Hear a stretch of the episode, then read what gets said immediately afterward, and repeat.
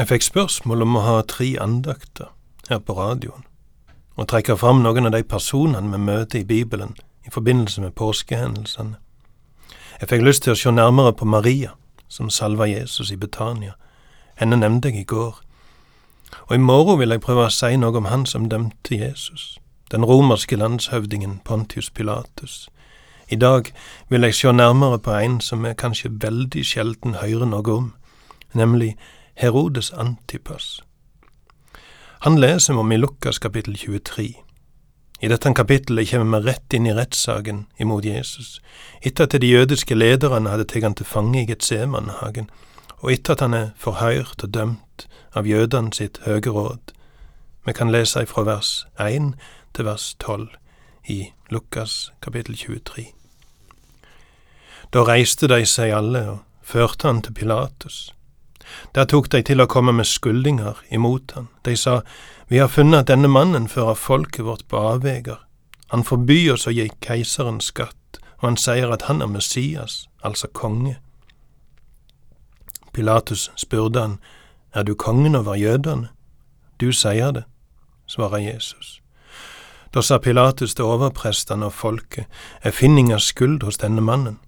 Men de tok sterkere i, han edger opp folk i hele Judea med læra si, han tok til i Galilea, og nå er han kommet heilt hit. Da Pilatus hørte det, spurte han om mannen var ifra Galilea, og da han fikk vite at han var under domsmakta til Herodes, sendte han Jesus over dit, for Herodes òg var i Jerusalem i de dagene. Herodes vart svært glad da han fikk sjå Jesus, for han hadde hørt om han lenge ønskt å få møte han, han vona han skulle få sjå Jesus gjøre eit teiken. Han stilte han mange spørsmål, men Jesus svarer ikke eit ord. Overprestene og de skriftlærde sto der og kom med sterke skuldinger imot han. Herodes vanæra han og spotta han sammen med soldatene sine. Han la ei staselig kappe om han og sendte han tilbake til Pilatus. Den dagen vart Herodes og Pilatus venner. Før hadde det vært fiendskap mellom dem. Pilatus innså at Jesus var uskyldig, og prøvde febrilsk å unngå å dømme han sånn som jødene krevde at han skulle gjøre. Her leser vi om ett av de grepene han tok for å slippe unna knipa. Han sendte Jesus over til Herodes, siden Jesus var ifra Galilea. Hvem var denne Herodes? Det kan være forvirrende å møte dette navnet i Bibelen hvis vi ikke skjønner at dette er et slektsnavn som ble brukt av flere generasjoner. Den Herodes vi møter her, er altså ikke den samme som kong Herodes, han som var konge da Jesus blei født, og som sendte soldatene sine til Betlehem for å drepe de små guttene der. Han som var konge da Jesus blei født, har fått tilnavnet Den store, kong Herodes den store, på grunn av alle de storslåtte byggeprosjektene sine. Da han døde, delte han riket sitt imellom tre av sønnene sine, og alle bar navnet Herodes. En av de tre skulle styre over den sørlige delen av landet, Judea, men han var så udugelig at romerne avsatte han etter noen få år og innsatte en romersk guvernør i plassen. En annen skulle styre over den nordøstlige delen av landet, det området som vi nå kaller Golanhøgdene. En tredje sønn skulle styre over den nordvestlige delen av landet, som blant annet omfatter landet langs Genesaretsjøen, på vestsida av Genesaretsjøen. Det var denne sønnen vi kjenner som Herodes Antipas. Herodes-familien var en forferdelig skakkjørte familie. I juleevangeliet møter vi en mistenksom kong Herodes, og dette han stemmer 100% med bildet vi får av han ifra andre kilder. Han var sjukelig mistenksom imot alt og alle som han følte trua makta hans. Han gikk ikke av veien for å få henretta tre av sine egne sønner, si eia kone, si eia svigermor og sin egen svoger, fordi han frykta at de la planer om å overta kongemakta ifra han. I tillegg til denne mistenksomheten hans ser vi at kong Herodes gifta og skilte seg flere ganger og hadde i alt sju koner.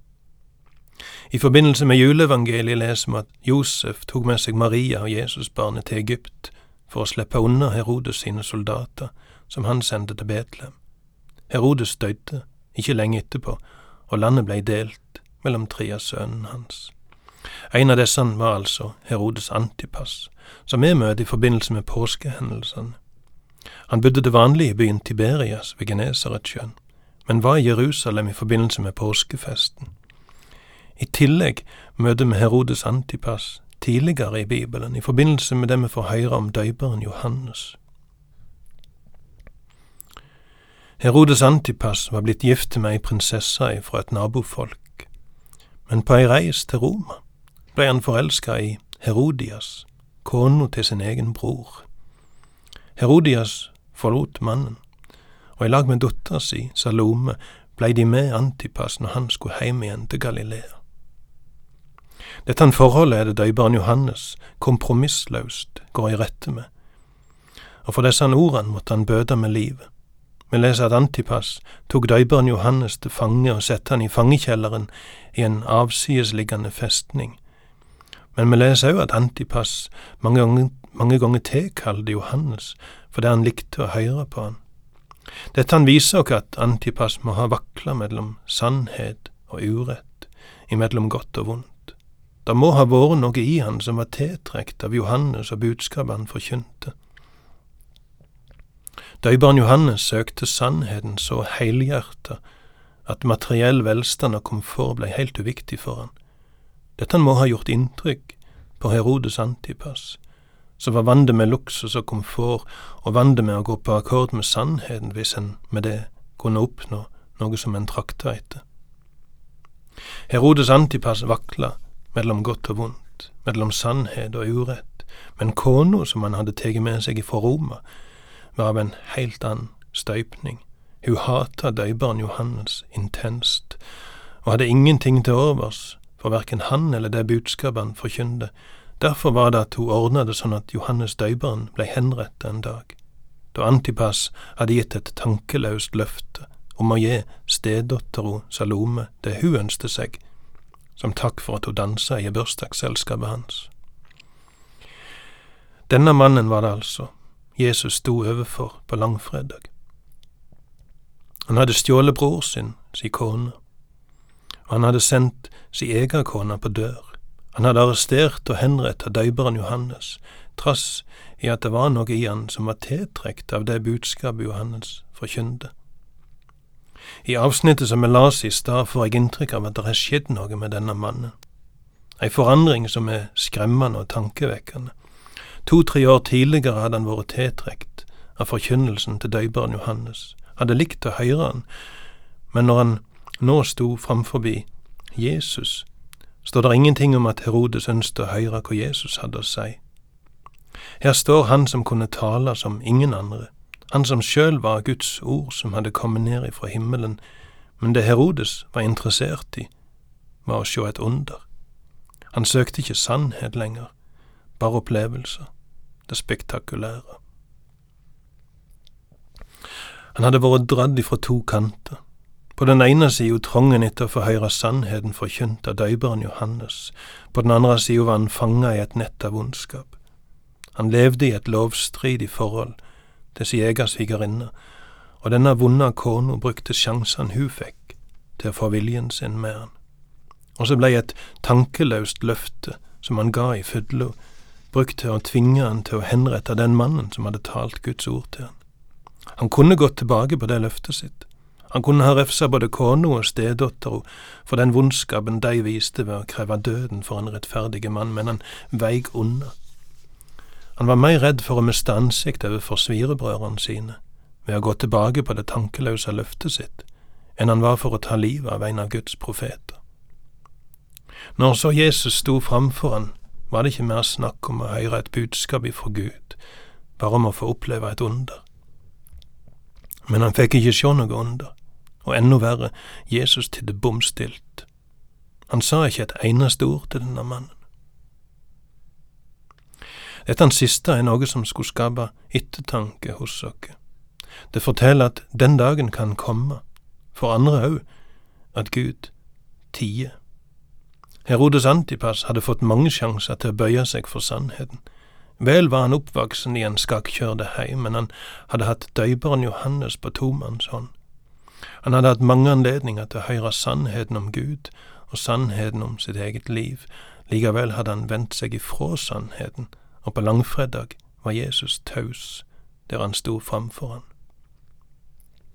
Dette er ikke noe engangstilfelle. Søk Herren mens han er å finne, kall på han den stund han er nær, sier profeten Jesaja. Jeg tror ikke det handler om at Jesus ikke unte Herodes flere sjanser til å høre sannheten. Jeg tror det handler om at Jesus så at denne mannen var så forherda i sin avvisning av sannheten at et sannhetsord ville falle for døve øyre hos han. Når Herodes ikke fikk sjå under han ønskte seg, og som han kanskje trodde han hadde myndighet til å kreve, begynte han å spotte Jesus i lag med soldatene sine, leser vi. At menigmann oppfører seg skammelig, kan vi et stykke på vei forstå, men at Herodes Antipas, som den øverste lederen for provinsen Galilea, nedlader seg til sånn oppførsel, er sjokkerende. Han var av kongelig byrd, han skulle te seg sømmelig og med verdighet, men her synker han ned i en sjofull utskjelling av en fange. Historien om Herodes Antipas er historien om en mann som hadde sjansen til å vende om, men som let sjansen gå ifra seg. Historien om Herodes Antipas er historien om en mann som gikk fortapt. Det er en historie som viser at det der kommer en dag da det er for seint, da Jesus er taus, fordi hjertet er så forherda at ingenting lenger kan nå inn. Så uh, søk Herren mens han er å finne. Kall på ham den stund han er nær.